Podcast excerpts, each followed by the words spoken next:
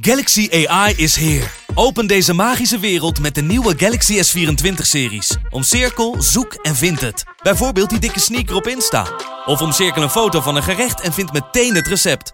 Op zoek naar wat liefde over de grens? Met ChatAssist als tolk is jouw liefde grenzeloos. Maak vlijmscherpe foto's en bewerk ze als een pro. Met Photo Assist verwijder je al het ongewenst uit je foto, zoals lelijke reflecties of je ex. Bestel de Galaxy S24-series nu op samsung.com. Studio Socrates wordt mede mogelijk gemaakt door Unibed. Há muito tempo você está no meu caminho. Como posso esquecer?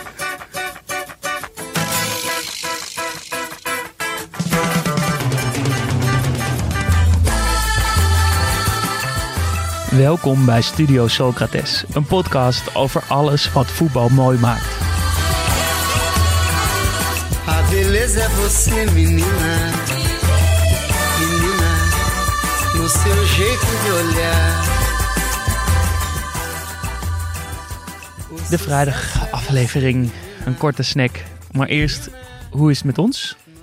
Ja, lekker. Paasweekend eh, overleefd. Ik tenminste. Eh, jij volgens mij ook, met iets meer moeite. Iets meer moeite, maar daar ga ik jullie volgende Ja. week woensdag alles over vertellen. Want daar is de vrijdag snack te kort voor. Ja, dat is de hele aflevering meteen gevuld als jij over je paasavonturen bij de drijf vertelt.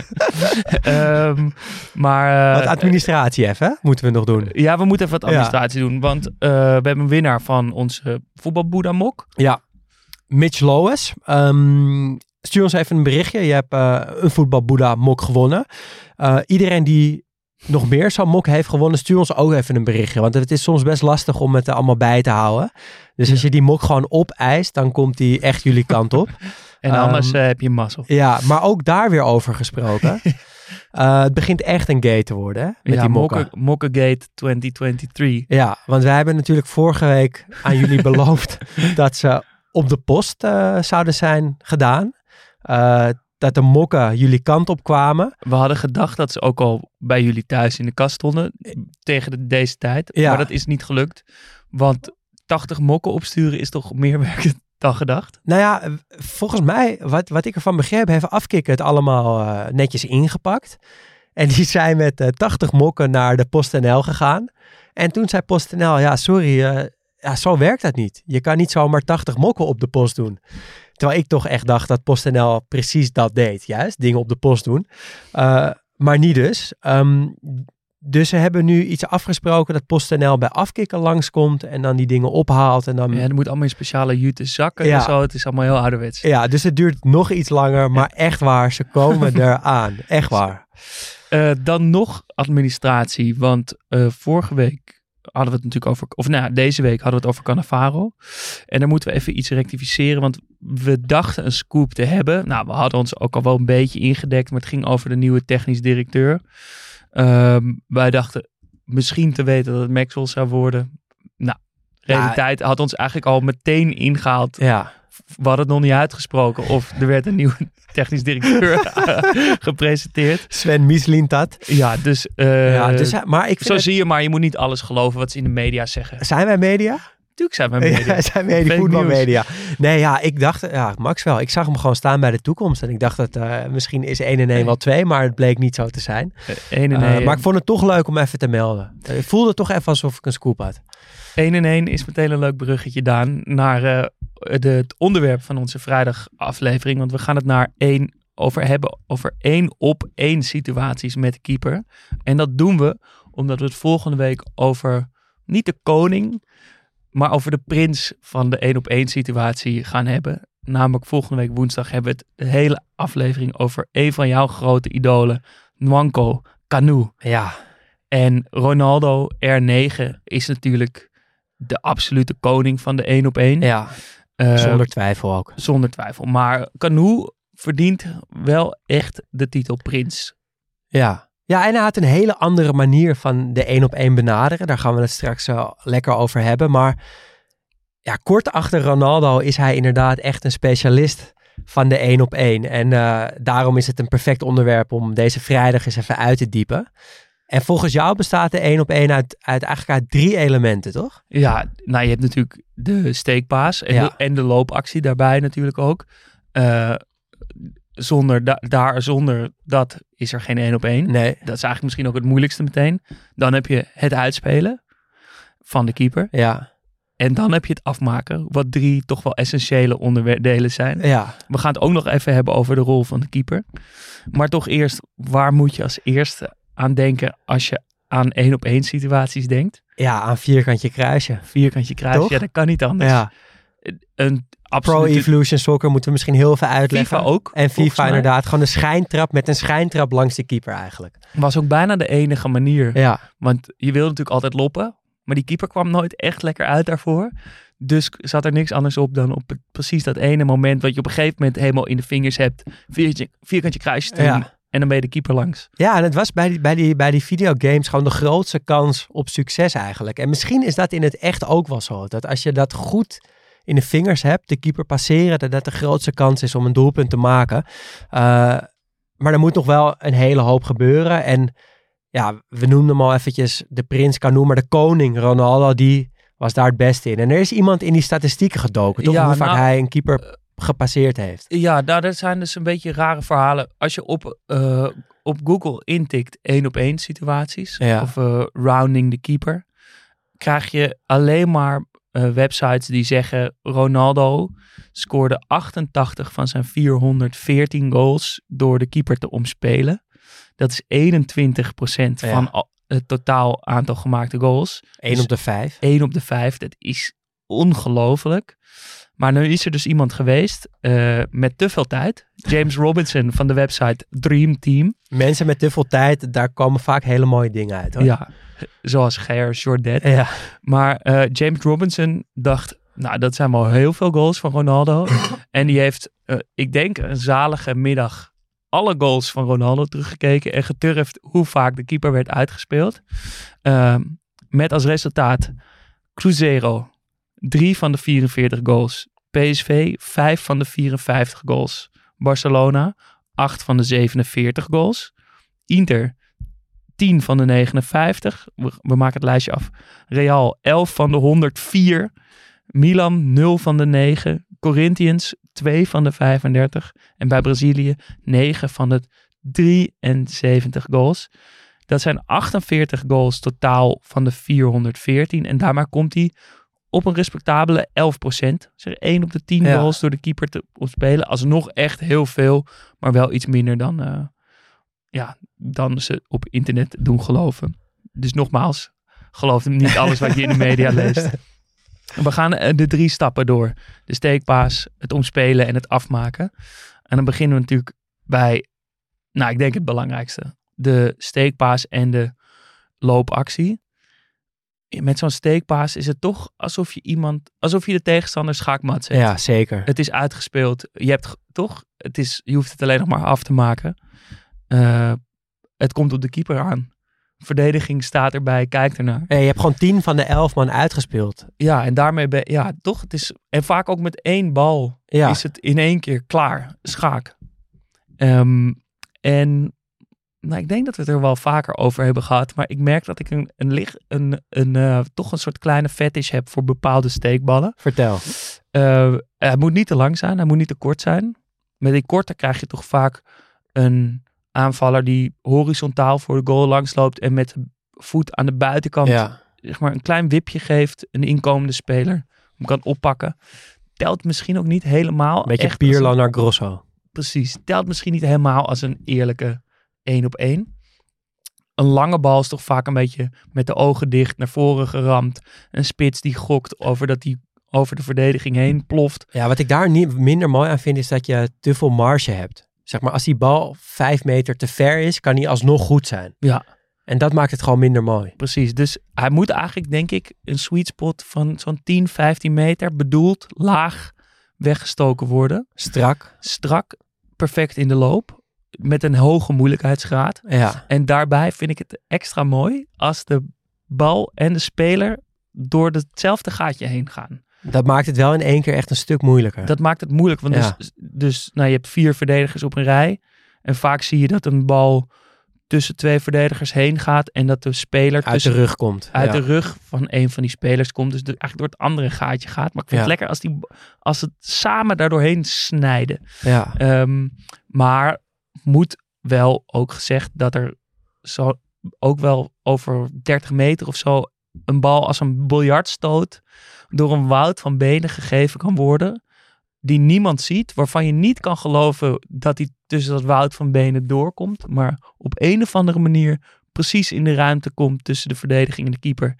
En de Ja. spits eigenlijk ook een beetje verbaasd die bal opeens voor zijn voeten heeft ja, dat, een beetje zoals je bij tafelvoetbal wel eens hebt. Dat je een bal schiet en dat je niet begrijpt hoe die van de ene keeper ja. zonder een poppetje te raken ja. in het andere goal komt. Ja, ik vind dat. Ik heb twee lievelingssoorten eigenlijk. En de ene is een beetje die jij net ook beschrijft, lijkt erop. Ik noem hem even de meetlatpaas. Mooi. Dus het is een paas ja, die je gewoon langs een lineaal kan leggen, die helemaal recht is. Uh, mag natuurlijk ook wel een klein beetje effect in zitten, maar die hard en strak en eigenlijk maar op één manier gegeven kan worden.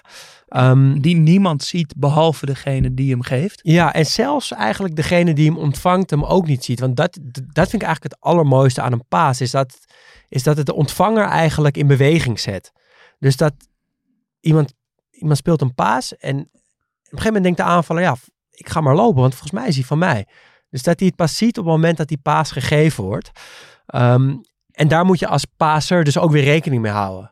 Met je snelheid. Dus dan moet alles moet perfect kloppen bij die bal. Een andere hele mooie vind ik. Uh, ja, is in een hele kleine ruimte zoveel mogelijk mensen in één keer uitspelen. en uh, Bergkamp heeft daar een hele mooie van gegeven. Ooit in de Champions League. Ik, ik, denk dat het tegen Juventus was. Die zit ook in al die compilatiefilmpjes. Dat hij op de rand van de 16 staat. En dat hij aan het kappen draaien, kappen draaien. Echt vijf keer op de vierkante meter. En dat hij dan zo'n heel klein lopje geeft op Ljungberg. Die aangerend uh, komt. En daar zijn in één keer vijf spelers mee uitgespeeld. Echt op, op, op twee vierkante meter. En dat vind ik ook wel echt heel mooi. Ik moet er meteen aan, die, aan dat soort strakke lange ballen, ook aan, aan Xabi Alonso Ja. en Guti denken. Ja, zeker. Toch de koning van de assist. Ja, nou, Guti is misschien wel... Ja, dat is weer toch weer iets anders. Hè, want we hebben nu over de één op één. Maar als je echt puur alleen op die steekpaas aankomt... dan Ja. is Guti wel de winnaar. Ehm, dan nog even over die loopactie. Het is natuurlijk mooi. Het, is mo- het mooiste is als, als die bal eh, de, de aanvaller in beweging Ja. zet. Maar ik hou er ook wel van als die aanvaller eerst horizontaal loopt. Snelheid niet, maken. Snelheid maken om niet buiten spel te staan, maar wel snelheid te krijgen. En dan op het juiste moment dat je ziet dat het van het trainingsveld komt, Ja. die bocht maakt en in de lijn van de bal. eh, Ja. komt. Nou, en het kan ook natuurlijk zo zijn. Dat, dat, dan, ja, dat gebeurt toch minder vaak. Omdat ik, ja, ik durf wel te zeggen dat middenvelders vaak slimmere spelers zijn dan aanvallers. Maar soms zijn aanvallers echt heel goed in diepteloopacties. Dus zijn zij juist al begonnen met de loopactie. Ja. En denkt de middenvelder, ik kan hem nu geven. Ja. Dat is ook mooi. Mbappé heeft dat wel echt. Die, die is vaak al in beweging. En op dat moment denkt de middenvelder, hé, hey, ik kan hem geven. Ja, of, of dat de, die, die timing van die loopactie is toch vaak ook belangrijk bij spitsen. Ja, Op het juiste moment voor de verdediging eh, tevoorschijn komen. zeker. Ja. Haaland liet het de afgelopen week natuurlijk ook heel mooi zien. Eh, maar dan gaan we naar fase 2. ja, de paas is aangekomen. de De, baas is de aangekomen. bal is goed aangenomen. Er En- ontstaat zo'n soort vacuüm. Ja. Toch? Ik heb ook het idee dat je als verdediger op, stopt met rennen. Omdat je denkt, oké, dit is een één op één situatie. Er is niks meer te redden. Iedereen houdt zijn adem in. Het ja, je hart begint te bonzen bij de, bij de de, spanning aanvaller. loopt op. De- er komt een enorme adrenaline kick. Je denkt, shit, ik moet. Je moet het maken. Ehm, en het, is, het stelt toch vaak een beetje teleur, vind ik, wat spitsen laten zien. Waarom? Nou, er wordt vaak toch een beetje gegokt of gebruik gemaakt van de situatie. Dus een aanvaller komt ingelopen en gebruikt zijn snelheid en de, de kant die hij opgaat om die bal ook die kant langs ja, dus hij neemt hem één keer eigenlijk mee langs de keeper. En hij, Ja, hij- die gebruikt ze zijn snelheid Ja. eigenlijk. En daardoor wordt er niet echt een keuze gemaakt. Eh, een keeper moet gokken.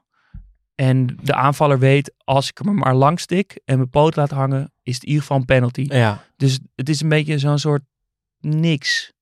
Ja, de situatie is Er zit weinig creativiteit in op die manier. Precies, dus ik kijk liever naar van die hele doelbewuste acties. Want waarom zou je op het veld wel van alles uit de kast proberen te halen om een verdediger langs te gaan, maar zodra het bij de keeper gebeurt, wordt er vaak, ja, gewoon een beetje gekapt, half. Ehm, en eigenlijk de enige die dat echt deed, was Ronaldo. Ja. Die ook wel eens in een interview zei, ik, ik vind de één op één de, de lekkerste situatie die er is. Want je hebt als aanvaller totale controle, maar die moet je dus wel pakken. ja, je moet het wel ownen. En de enige andere voorbeeld waar ik nog aan moest denken was Mbappé vorig jaar in de Oh, Champions ja, League tegen Real Madrid. wat je bedoelt. Hij wordt een beetje aan de linkerkant van het veld diep gestoken. Komt één op één bij Courtois. En met zijn rechterbeen stapt hij eigenlijk een beetje langs de verkeerde kant van de bal een, overstapje naar buiten toe. Nou, hij doet eigenlijk alsof hij met rechts gaat schieten. Maar ja, in dus plaats hij van te draait zijn lichaam een hij, half hij open. doet een schaar eigenlijk. Ja, hij doet een soort schaar zonder Ja. de bal te raken. Daardoor is het natuurlijk extra subtiel, extra mooi. En dan komt. Courtois ligt op zijn Ja. kont. En dan tikt hij met links binnen. Ja, het was doodziek dat het net buitenspel was. Uh, want hij telde niet, maar het was zo'n geweldig doelpunt. En het deed me een klein beetje denken aan, uh, ja, aan heel vroeger Pelé. Ja, Die op een gegeven moment, die kreeg een diepe bal en die, die kruist eigenlijk de bal en de keeper en laat de bal lopen. Dus zonder hem aan te raken doet een ga- overstapje. ja, gaat hij aan de ene kant er langs en die bal aan de andere kant. En dan loopt eigenlijk achter de keeper langs weer naar de bal toe. En kan hem zo in een leeg goal schieten.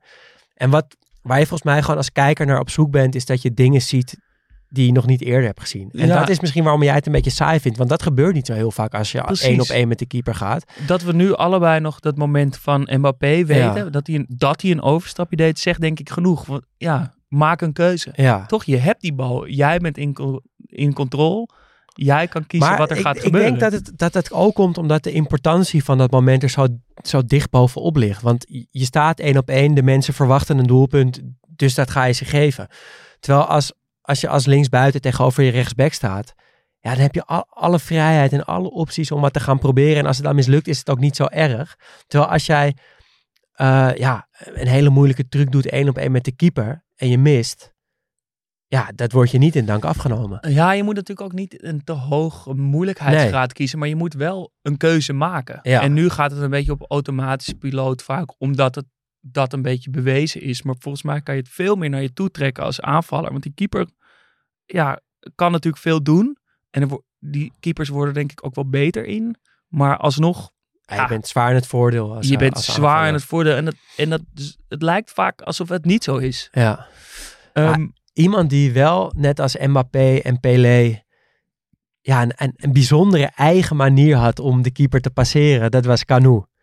ja, en heel hebben we het hier Ja, over. en heel anders dan, dan, dan eigenlijk alle andere manieren van een keeper omspelen, koos hij voor ja, een hele atypische manier. Want ten eerste kwam hij al niet één op één vanwege een dieptepaas of snelheid, want hij was namelijk niet zo snel. Eh, dus vaak kwam hij één op één met de keeper in een volle 16. Ehm, niet echt op snelheid, waardoor hij op een andere manier dus de keeper moest passeren. En dat, en dat ging vaak met een, met een sleep van links naar rechts of, of, of een fake shot of een simpele kapbeweging. Ehm, waarbij vaak als die keeper eenmaal op de grond lag, de verdedigers ook alweer terug waren gekomen, omdat hij het niet op snelheid deed. Eh, dus moest hij vaak ook nog een keer een, een, een verdediger uit, uitkappen.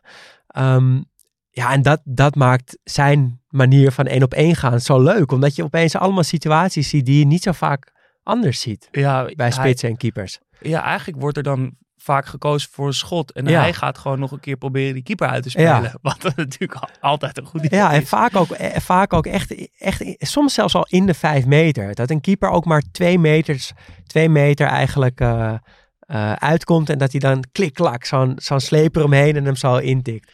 Ehm, ja, echt genieten. En ik denk dat we hier vrijdag eh, of woensdag eh, in de reguliere aflevering gaan we het hier nog veel langer over hebben. Maar de manier waarop Canu de keeper omspeelt, dat, ja, dat is gewoon een, eh, een eigen aflevering waard. Dan gaan we naar fase 3, het afmaken. Nou, de, de belangrijkste twee dingen zitten er eigenlijk wel op. Maar Ja. toch kan er nog veel goed en fout Zeker, gaan. ja. Wat mij betreft in het afmaken. Want wat doe je? Schiet je hem hard? Schiet je hem zacht? Schuif je hem beheerst in? Loop je nog een stukje door? Ga je voor de totale vernedering en kop je de bal op de doellijn nog Kan even niet, erin? Kan niet. En wat mij betreft gaat het hier ook in de, om, in de beheersing. Dus je wil, denk ik, en niet te ver naar de zijkant uitkomen in de passeerbeweging. Dus het liefst blijf je een beetje recht voor de goal op een of andere manier. En dan moet hij dus ook recht door het midden. Ja. Want als je hem dan een beetje aan de zijkant schiet, dan heb je toch nog ergens een soort procentje twijfel van, oeh, het ging nog maar net goed. Ja, maar, maar je en- wil geen, geen twijfel. Nee, en je wil ook die totale beheersing eh, uitstralen. En dat doe je natuurlijk door die bal gewoon zo dicht mogelijk in het midden van de goal Ja. te schieten. Da- daarmee laat je denk ik het meest zien. Wat opviel, vond ik, was dat Ronaldo eh, vaak nog echt een stukje doorloopt. En dan zo twee meter voor de goal hem intikt. Ja. Niet te hard, niet te zacht. Als hij, als hij hem echt eroverheen dribbelt, heb je niet de... Vind ik ook niet mooi. Nee, dat is niet mooi. Dan heb je niet de voldoening. Nu, nu knalt hij nog wel in het goal. Maar is er wel beheersing. Ja, Dus maar- Wat hij doet vind ik nog oké. maar in principe vind ik dat je vrij snel moet schieten. Ja. En niet te hard. eh, niet hoog. eh, en door het midden. Ja, en je moet op dat moment ook niet meer op zoek gaan. En ik vind dat Ronaldo dat mooi doet. Je moet niet meer op zoek gaan naar de vernedering. Nee. Die is al geweest. Want je hebt dat hele team al uitgespeeld. Je moet nu gewoon die bal in het net schieten. En dat is het. Eh, wat ik nog wel mooi vond, nog een klein haakje naar Canu. Is dat hier is het ook weer anders met Canu. Want hij heeft vaak eh, zoveel beheersing en zoveel rust en kalmte in het uitspelen van de keeper. Dat hij bijna schrikt dat hij nog moet scoren. Eh, Ik lijk, het lijkt echt alsof als je naar hem kijkt, dat zijn taak er al op zit. En dat hij dan denkt, oh shit, ik moet ook nog scoren. En dan schiet hij vaak best wel hard en gehaast nog die bal binnen. Ook Tussen omdat er, twee ja, omdat er dus ook alweer verdedigers zijn teruggekomen. Maar dit- dat ziet er heel grappig uit. Ehm, dat waren de drie fases voor de aanvaller. We moeten het natuurlijk ook nog even over de rol van de keeper hebben. Volgens mij is een beetje de vraag, waar kom je de aanvaller tegen? Je moet natuurlijk uitkomen en het goal verkleinen. Maar volgens mij zit aan het goal verkleinen ook nog een ander element, namelijk druk zetten op de aanvaller. Ja, maar De adrenaline, die schiet al door je lichaam. En als, er dan, als je dan ook nog eens als een beest uitkomt, dan komt er toch iets meer paniek. Ja, maar ik vond dat dus eerlijk gezegd wel het allermakkelijkste wat er, wat er was. Als een keeper wild uitkomt, dan word je dus bijna gedwongen in een beetje die saaie manier van een keeper omspelen en afwerken. Maar dat lukt dan wel altijd. Ja. Want soms is een keeper al zo ver uit zijn goal dat hij ja, bijna buiten de 16 komt of helemaal buiten de 16 komt. Dan, dan ben je als keeper sowieso gezien, want dan kan je je handen niet meer gebruiken. En ik denk dat voor een keeper gewoon de, de sleutel ligt in ja, ver genoeg uitkomen dat je wel druk op, op die spits houdt. Maar niet te ver dat er achter jou te veel ruimte komt te liggen. Waar een spits dus makkelijk ja, omheen in kan duiken. Ik denk ook wel dat je nu een, een nieuwe trend ziet in, waar keepers eerst vol op de bal doken. Stoppen Ze zijn nu op een gegeven? Ja. Moment. Maak ze groot, knietje op de grond. En Irritant is dat hoor. dwingt het een spits om een keuze te Ja. maken. En ik denk dat is toch het moeilijkste. Ja, zeker. Want dan moet je opeens gaan nadenken. Ja, Eh, en blijkbaar is gewoon stil rechtop blijven staan het, allermoeilijkste. ja. Nou, Ehm, als keeper geef je, je geeft jezelf ook nog de kans op een reactie natuurlijk. Als je stilstaat en iemand schiet in de hoek, Ja. kan, kan je er nog wat aan doen. Ik eh, zag, eh, ik ben even de krochten van het internet weer ingedoken. en ik kwam een, een analyse van een hele amateuristische keeperschool tegen. Die wel echt heel lekker was. Dus daar wil ik jullie even mee naartoe nemen. Het gaat over de verschillende vormen die een keeper met zijn lichaam kan aannemen bij het uitkomen van een één op één situatie. Ehm, Kom maar door. nou, we, gaan, we nemen ze even door. Je hebt, eh, nou, waar we het net over hadden, de K. Dat is dus knietje naar de grond, lichaam rechtop. Dus ja, je ene, je- ja. je ene knie gebogen naar rechts, de andere knie op de grond, je lichaam eh, recht naar voren. Een beetje ijshockeyachtig. Een beetje ijshockeyachtig. Eh nadeel is dat je alles met je handen moet doen. Want Ja. je, je benen staan vast. bent niet meer bewegelijk. zijn niet heel breed. Eh, maar je kan wel lang rechtop blijven staan. Dus je kan, hebt nog lange tijd om te reageren. Dan heb je de stalker. Eh, het lijkt een beetje op de K, maar de knieën gaan meer in een beetje in een X. Dus een Ja. beetje bij elkaar gebogen. Lichaam zo groot mogelijk maken. Armen gestrekt of naar beneden of opzij. Volgens mij is dit dat wat is ik doe als beetje ik, de- eh, als ik eh, voor de lol Een keep. beetje als een soort beer. Ja. Gewoon eng doen. Een Ja, maar je kan wel nog alle kanten Je kan op. nog alle kanten Ja. op, maar je staat ook. Je moet echt op je reactie Ja. eh, hebben. Eh, dan heb je het blok. Of eigenlijk is het een bloktackle. Dus stel je bent bang om je hoofd of je handen te gebruiken om daarmee naar een rennende speler te gaan. Of je bent stiekem al een beetje met je lichaam de verkeerde kant op gegaan. dan proberen gewoon met je benen, Alles ervoor gaan. je benen ervoor te Ja. gooien. Eh, Dan ben je eigenlijk je eigen fout aan het helemaal horizontaal, maar het is je lichaam nog een klein beetje proberen nog naar de bal toe te komen, maar vooral met die benen te zwiepen.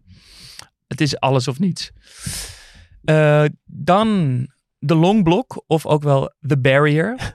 Dat is eh, een variatie op de K, waarin er één knie naar de grond gaat, maar het andere been gestrekt horizontaal blijft. Dus dat is een beetje de handbalvariant, denk ik je gewoon zo breed mogelijk maken. Gewoon een op goed geluk een op klein beetje. goed geluk, Ja. maar je, je, je schermt een, echt een groot deel af.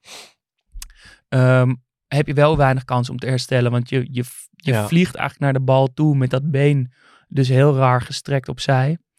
Ja, daar blijft het dan een beetje bij. En als laatste, en misschien wel de mooiste, de Superman.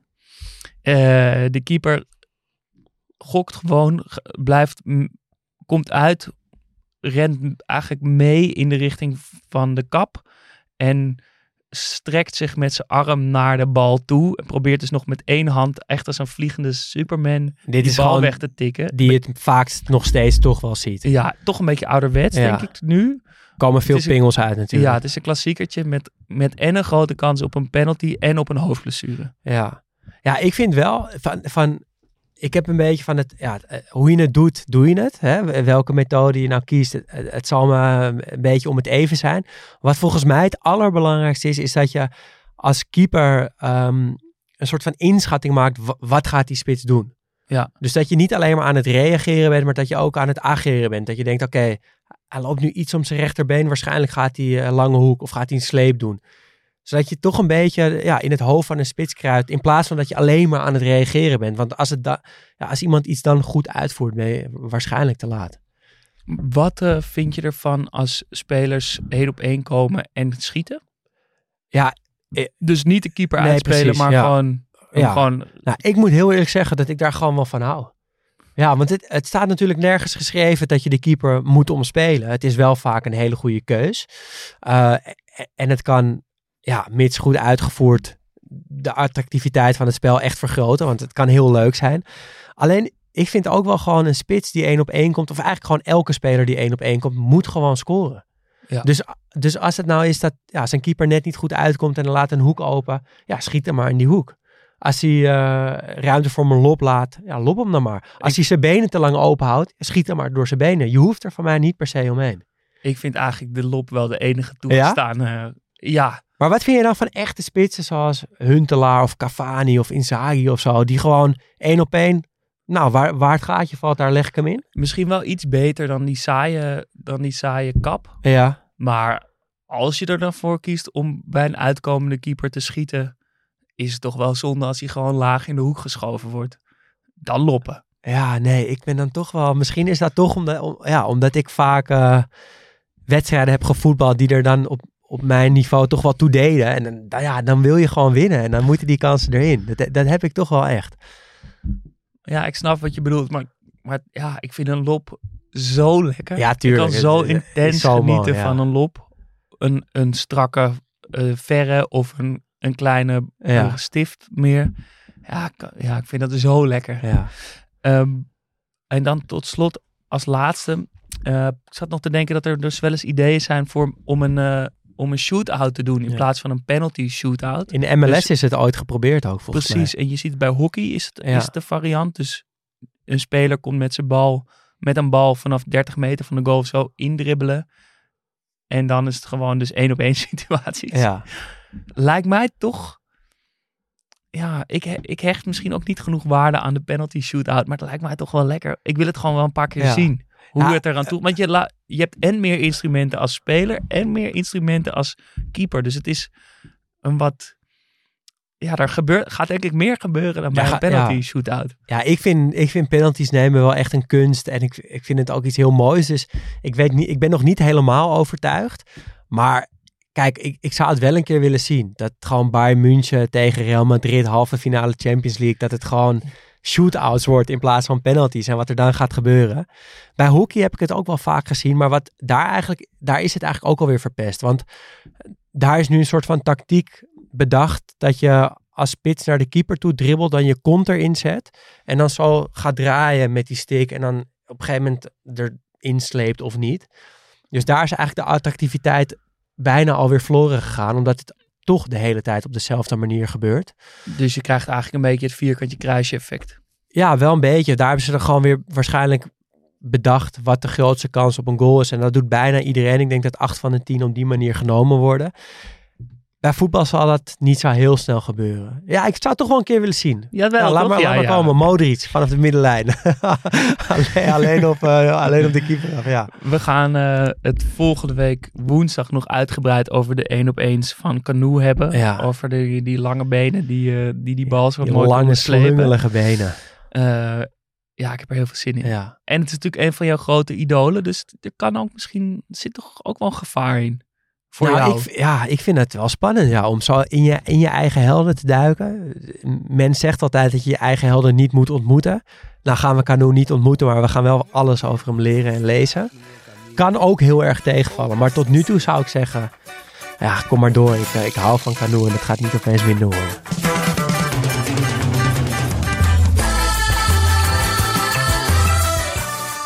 Studio Socrates wordt mede mogelijk gemaakt door FC Afkikken. Wil je meepraten? Dat kan. Laat een bericht achter op vriendvandeshow.nl slash Studio Socrates of via Instagram studio-socrates. Mailen kan trouwens ook.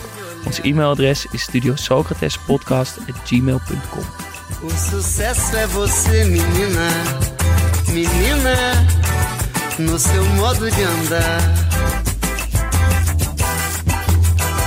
alegria é você, menina,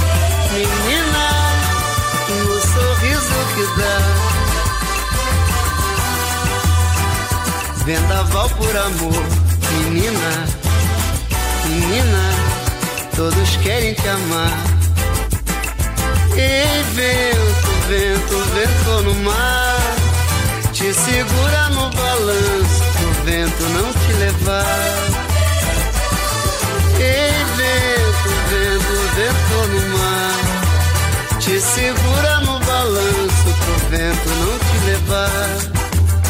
Já sei que não vai ter jeito Pra poder te conquistar Se você olhar pra mim, menina vou te amar. Já sei que não vai ter jeito pra poder te conquistar. Se você olhar pra mim, menina, vou te ganhar. Ei, vento, vento, vento no mar. Te segura no balanço pro vento não te levar. Ei, vento, vento, vento no mar. Te segura no balanço pro vento não te levar. Como posso te esquecer? Não tem jeito.